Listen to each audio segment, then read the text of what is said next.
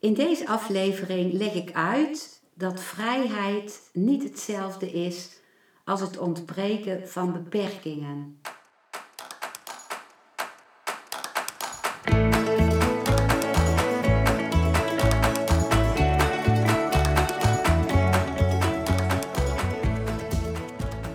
Welkom bij een nieuwe aflevering van Modita's podcast Van Pijn naar Zijn. De podcast waarin ik je meeneem voorbij de pijn in je leven naar wie je diep van binnen bent. Hoe kun je beter omgaan met je gevoelens? Hoe vind je rust in je hoofd? Wat zit er precies achter je pijn? En vooral, hoe kun je steeds meer jezelf zijn? Adem eens diep in en uit. Ik wens je veel luisterplezier.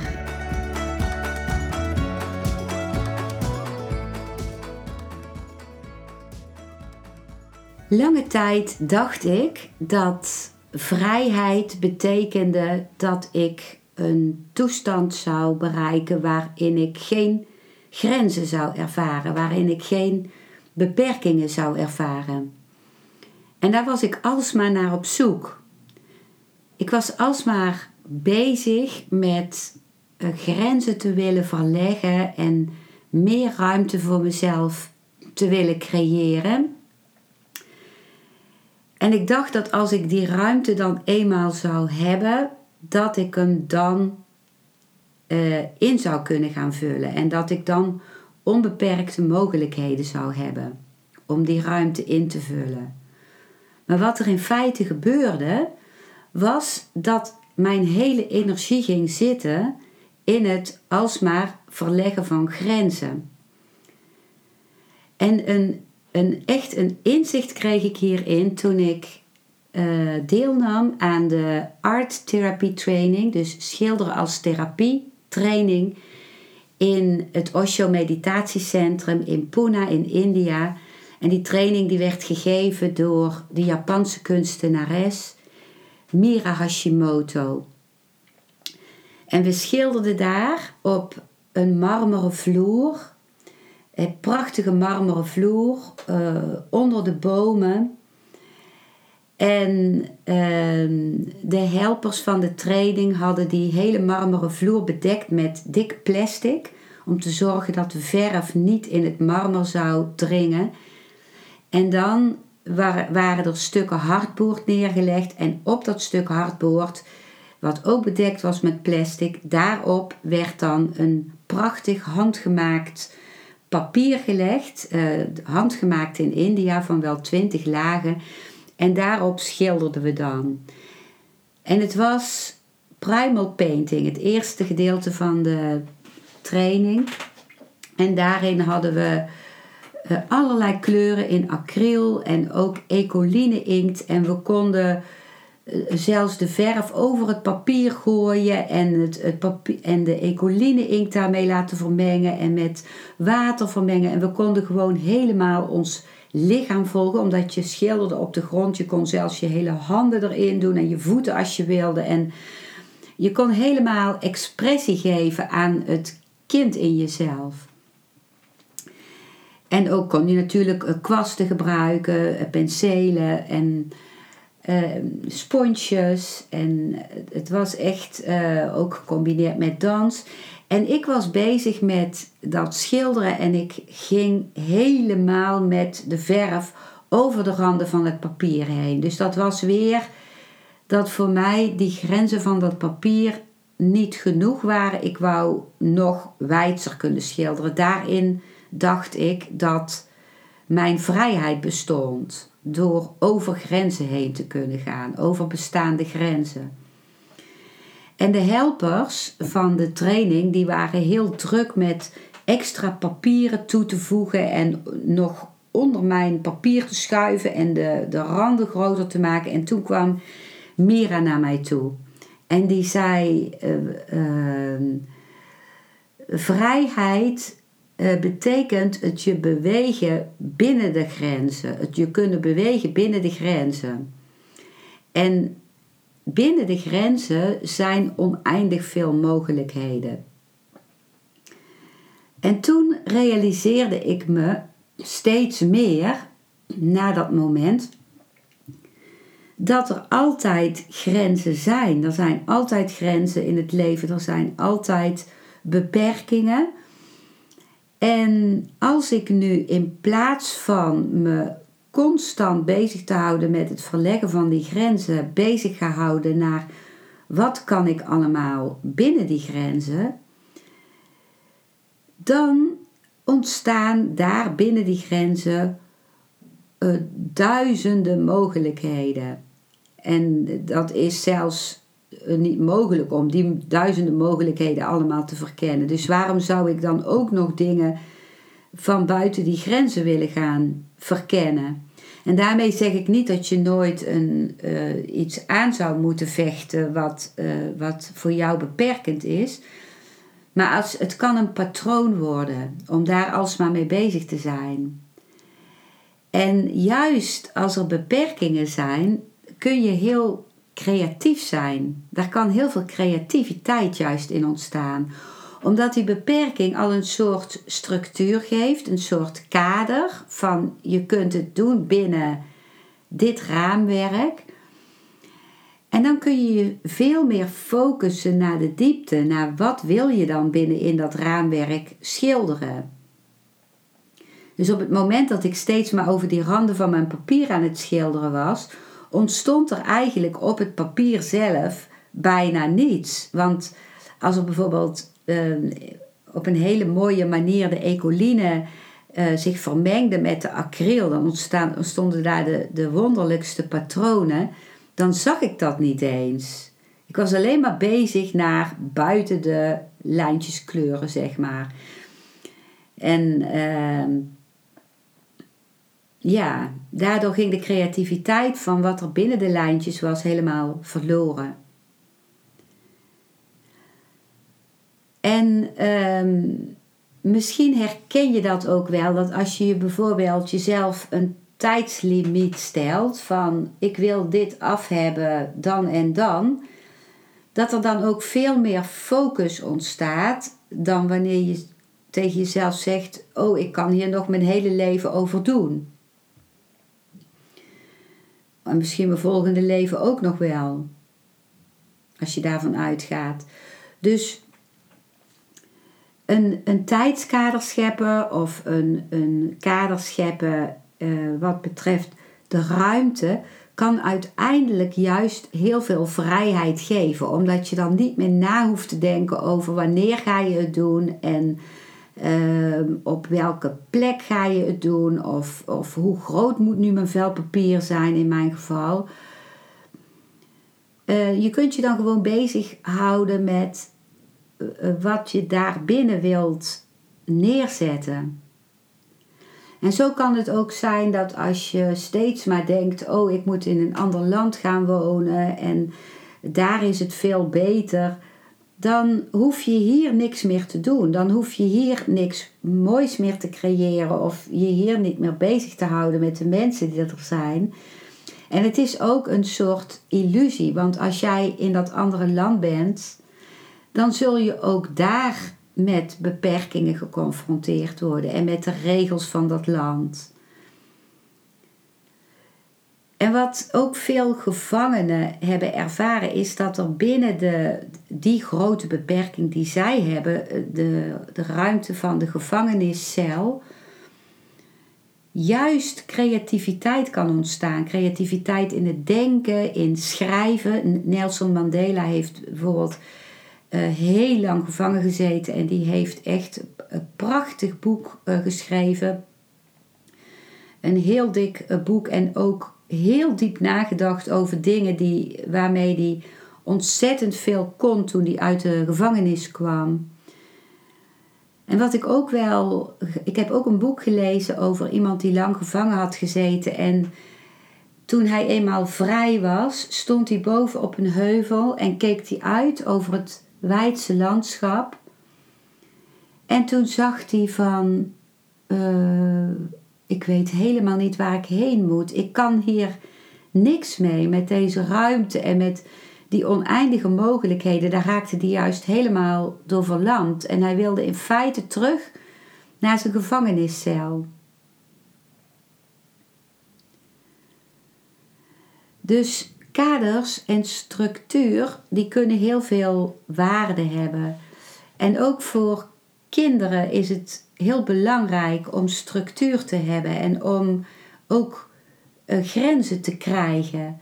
Voor kinderen is het wel belangrijk ook om die grenzen, zeker in de puberteit, om de grenzen uh, en ook wel als kleuter, hè, dan als, of als peuter, als, als iemand in de nee-fase zit en de eigen autonomie gaat ontdekken, dan is het heel goed om ergens ook nee te tegen te kunnen zeggen. En dat kun je pas als een ander, een volwassene, een grens stelt. Dan kun je ergens nee tegen zeggen. En aan de hand daarvan kun je je identiteit ook ontwikkelen. Dus voor uh, kinderen kan het wel goed zijn om, om die grenzen uh, te bevechten. Maar ook dan is het heel kostbaar om om ook te ervaren voor een kind van, oh, dingen kunnen binnen dit kader. Binnen, op dit papier kun je tekenen, op deze plek kun je knutselen. Dat geeft uh, uh, structuur en dat geeft ook dat het kind daar niet meer over na hoeft te denken.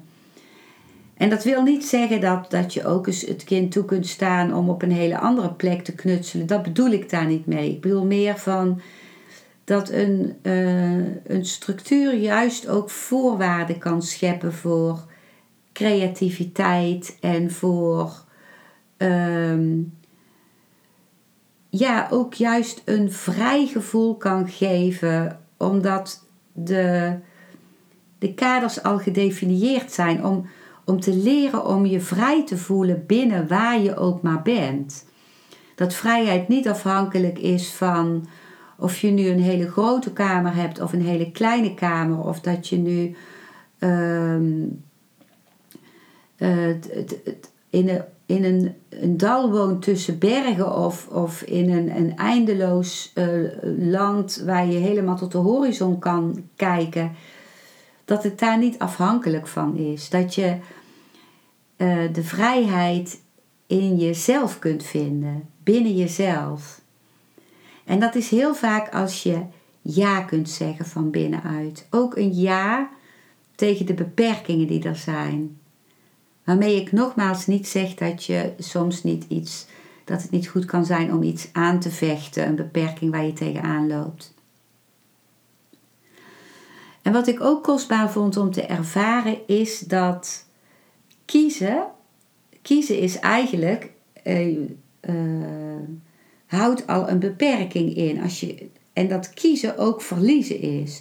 Kiezen houdt een beperking in, want als je voor het ene kiest, kies je niet voor het andere, dan verlies je het andere. En zo hebben we in het leven constant keuzes te maken. Als je geen keuze maakt, dan kun je niet bewegen. Terwijl er ook zoiets is als een keuzeloos bewustzijn. Bewustzijn waarbij alles oké is zoals het is. Maar in de praktische dingen moeten wij gewoon keuzes maken. En als je uh, datgene wat je niet kiest niet wil verliezen, dan kun je ook niet kiezen uh, waar je wel voor wilt gaan. Ik had daar heel veel aan toen ik uh, therapie had. Toen had ik een therapeute en ik kwam bij haar en ik stond voor de keuze in de lente om wel of niet naar het Osho Meditatiecentrum in India te gaan. Ik was op dat moment heel depressief. En in een depressie is het heel moeilijk om keuzes te maken, nog moeilijker dan anders. En ik, uh, ik kon niet kiezen tussen hier blijven en de lente ervaren, want ik hou heel erg van de lente, van de knoppen die ontstaan en vooral het moment voordat ze open gaan en dan het moment van open gaan en de verrassing die dat elke keer weer is en dat, dat prillen en dat nieuwe leven, dat wilde ik niet missen. Maar ik wilde ook heel graag naar het Osho Meditatiecentrum om mijn geliefde te ontmoeten en om te mediteren en te dansen en ehm, helemaal mezelf te kunnen zijn. En ik kon daar maar niet tussen kiezen, want als ik dacht aan India, nou kies ik voor India, dan voelde ik een pijn van het, het verliezen van de lente. En als ik dacht ik blijf hier, dan voelde ik het grote gemis van India. En toen zei mijn therapeute, kiezen is ook verliezen. En toen ik eenmaal de waarheid daarvan zag, toen wist ik dat met wat ik ook zou kiezen, dat ik een offer zou moeten brengen. En dat ik daar ja tegen moest zeggen. En toen koos ik om naar India te gaan. Toen nam ik afscheid van de lente. Voelde ik ook de pijn van het niet kunnen beleven van de lente. En toen liet ik dat ook los en toen ging ik helemaal voor het me verheugen op India. En bij vakanties is het ook dan vaak zo van dat je, het lijkt helemaal ideaal als je geen strobreedte in de weg staat, als het, als het uh, vliegtuig meewerkt, als er geen vertragingen zijn, of als de trein goed rijdt, of als je auto het goed doet, als je uh, het appartement wat je gehuurd hebt, uh, dat dat helemaal fijn is. Maar waar de meeste verhalen over gaan en wat iemand vaak het liefste vertelt, is wanneer er ook iets, wanneer er iets fout ging en wat daar allemaal aan beleefd werd. En waarom is dat? Omdat als er iets fout gaat, dan, dan word je geconfronteerd met de beperkingen die er zijn en dat levert heel veel leven op. Omdat je dan uh, gaat de frustratie gaat voelen. Je moet inventief zijn om nieuwe mogelijkheden te bedenken. Je komt vaak in contact met mensen waar je dan mee, die je anders nooit ontmoet zou hebben. En door het zoeken van die nieuwe mogelijkheden ervaar je dan uiteindelijk een gevoel van vrijheid. Dat de vrijheid ook zit in, het, in de creativiteit die ontstaat, juist door die beperkingen. En er is een, een stroompje of een riviertje in Eindhoven bij de Genneperparken. Dat heet de, de Trompetterloop, heet het volgens mij. Dat riviertje, daar liggen stenen in en daar, daar klotst het water dan wat overheen en dat maakt een heel muzikaal geluid. En ik ga daar bijna elke dag naartoe om te luisteren wat die, dat stroompje mij te zeggen heeft of wat ik zie of wat ik hoor. En ehm, het is juist zo mooi omdat daar stenen in liggen die het water eigenlijk blokkeren, dus een soort beperkingen, waardoor juist die golfjes ontstaan en dat levendige en het muzikale.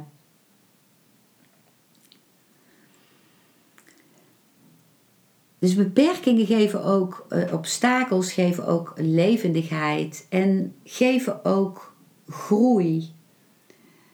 Die boren eigenlijk de vrijheid aan van die ontstaat als je groeit.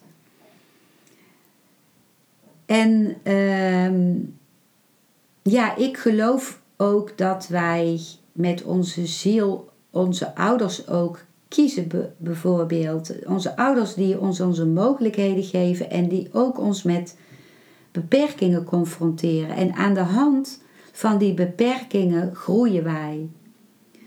Toen ik mijn familieopstellingen training volgde bij Swagito Liebermeister, toen leerde ik heel veel over de achtergronden van familieopstellingen. En ik zag elke dag de familieopstellingen die hij begeleidde en waarin ook verstrikkingen zichtbaar werden binnen het familiesysteem. En op een dag ehm, eh, vroeg hij iemand om te gaan staan voor de vader van een gezin, van een denkbeeldig gezin, en de moeder. En hij plaatste de vader en de moeder naast elkaar in perfecte harmonie naast elkaar.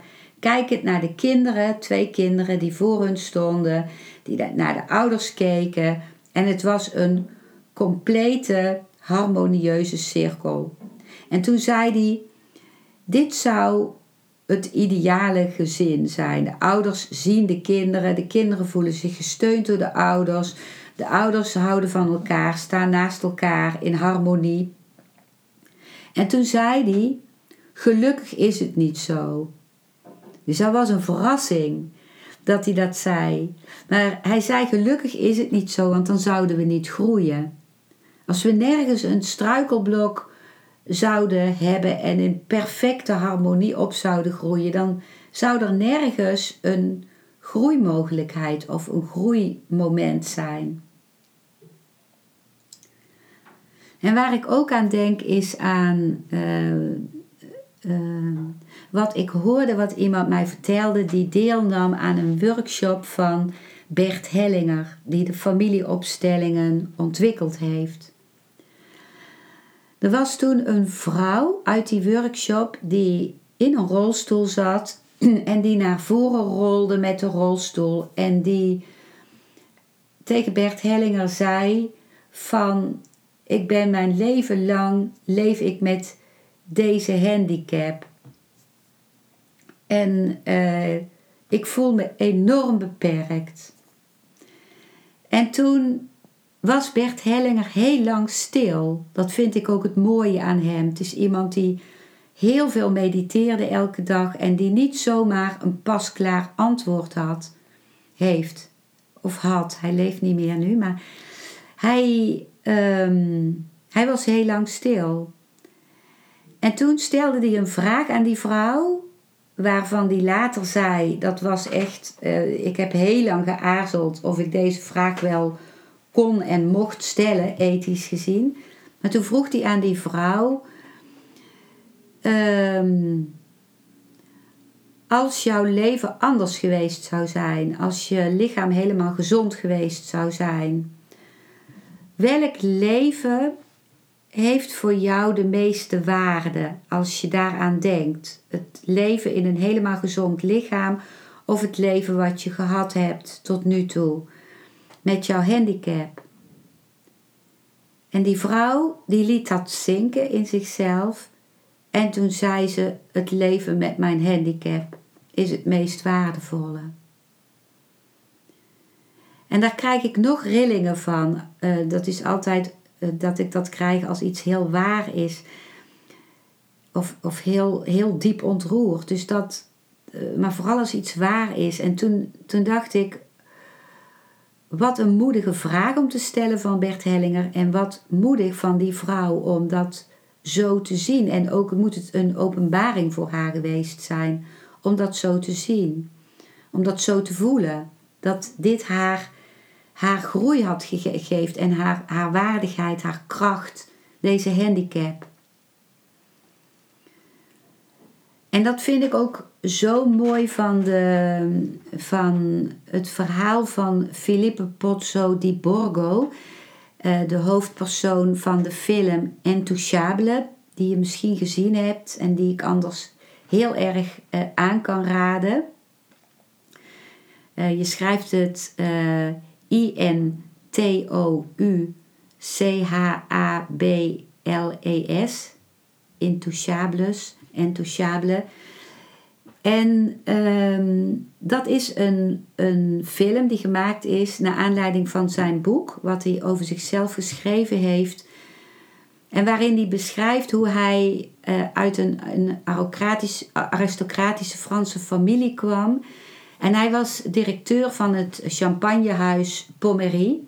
En hij was heel rijk. Hij was echt zo rijk. Hij, hij had een enorm huis. Hij had een vliegtuigje, hij had een boot, hij had een, een gigantische luxe auto. Hij had een heel, volgens mij had hij een heel landgoed, een heel land, groot landgoed. En hij deed uh, toen uh, paragliding en hij kreeg een ongeluk waarbij hij helemaal verlamd raakte tot aan zijn nek.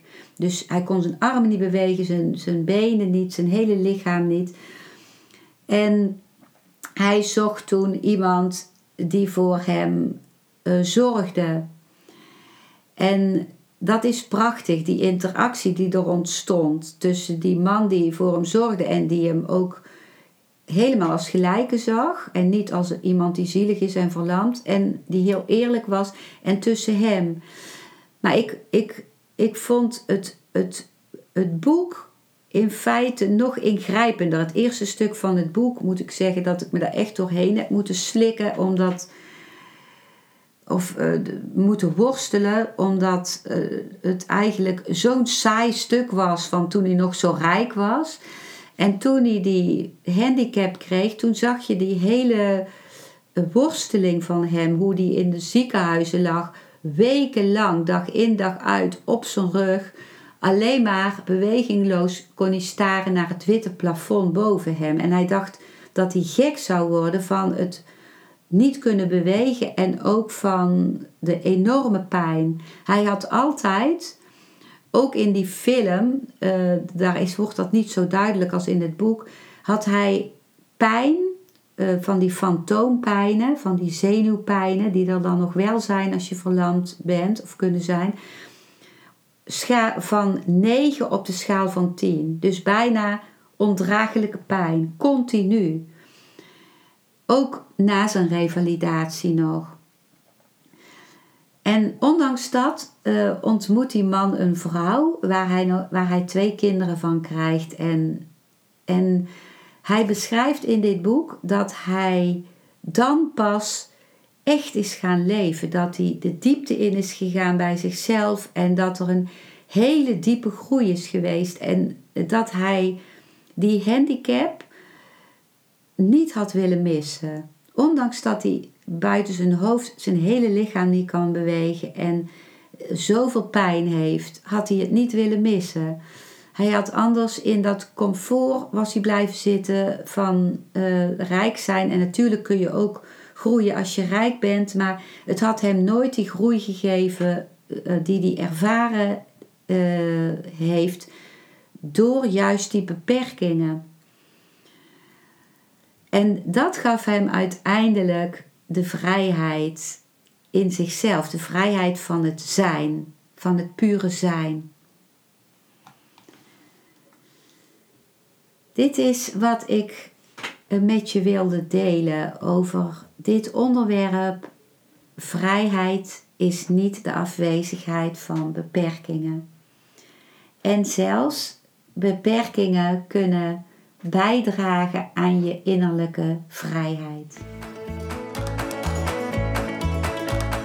Dankjewel voor het luisteren naar deze aflevering.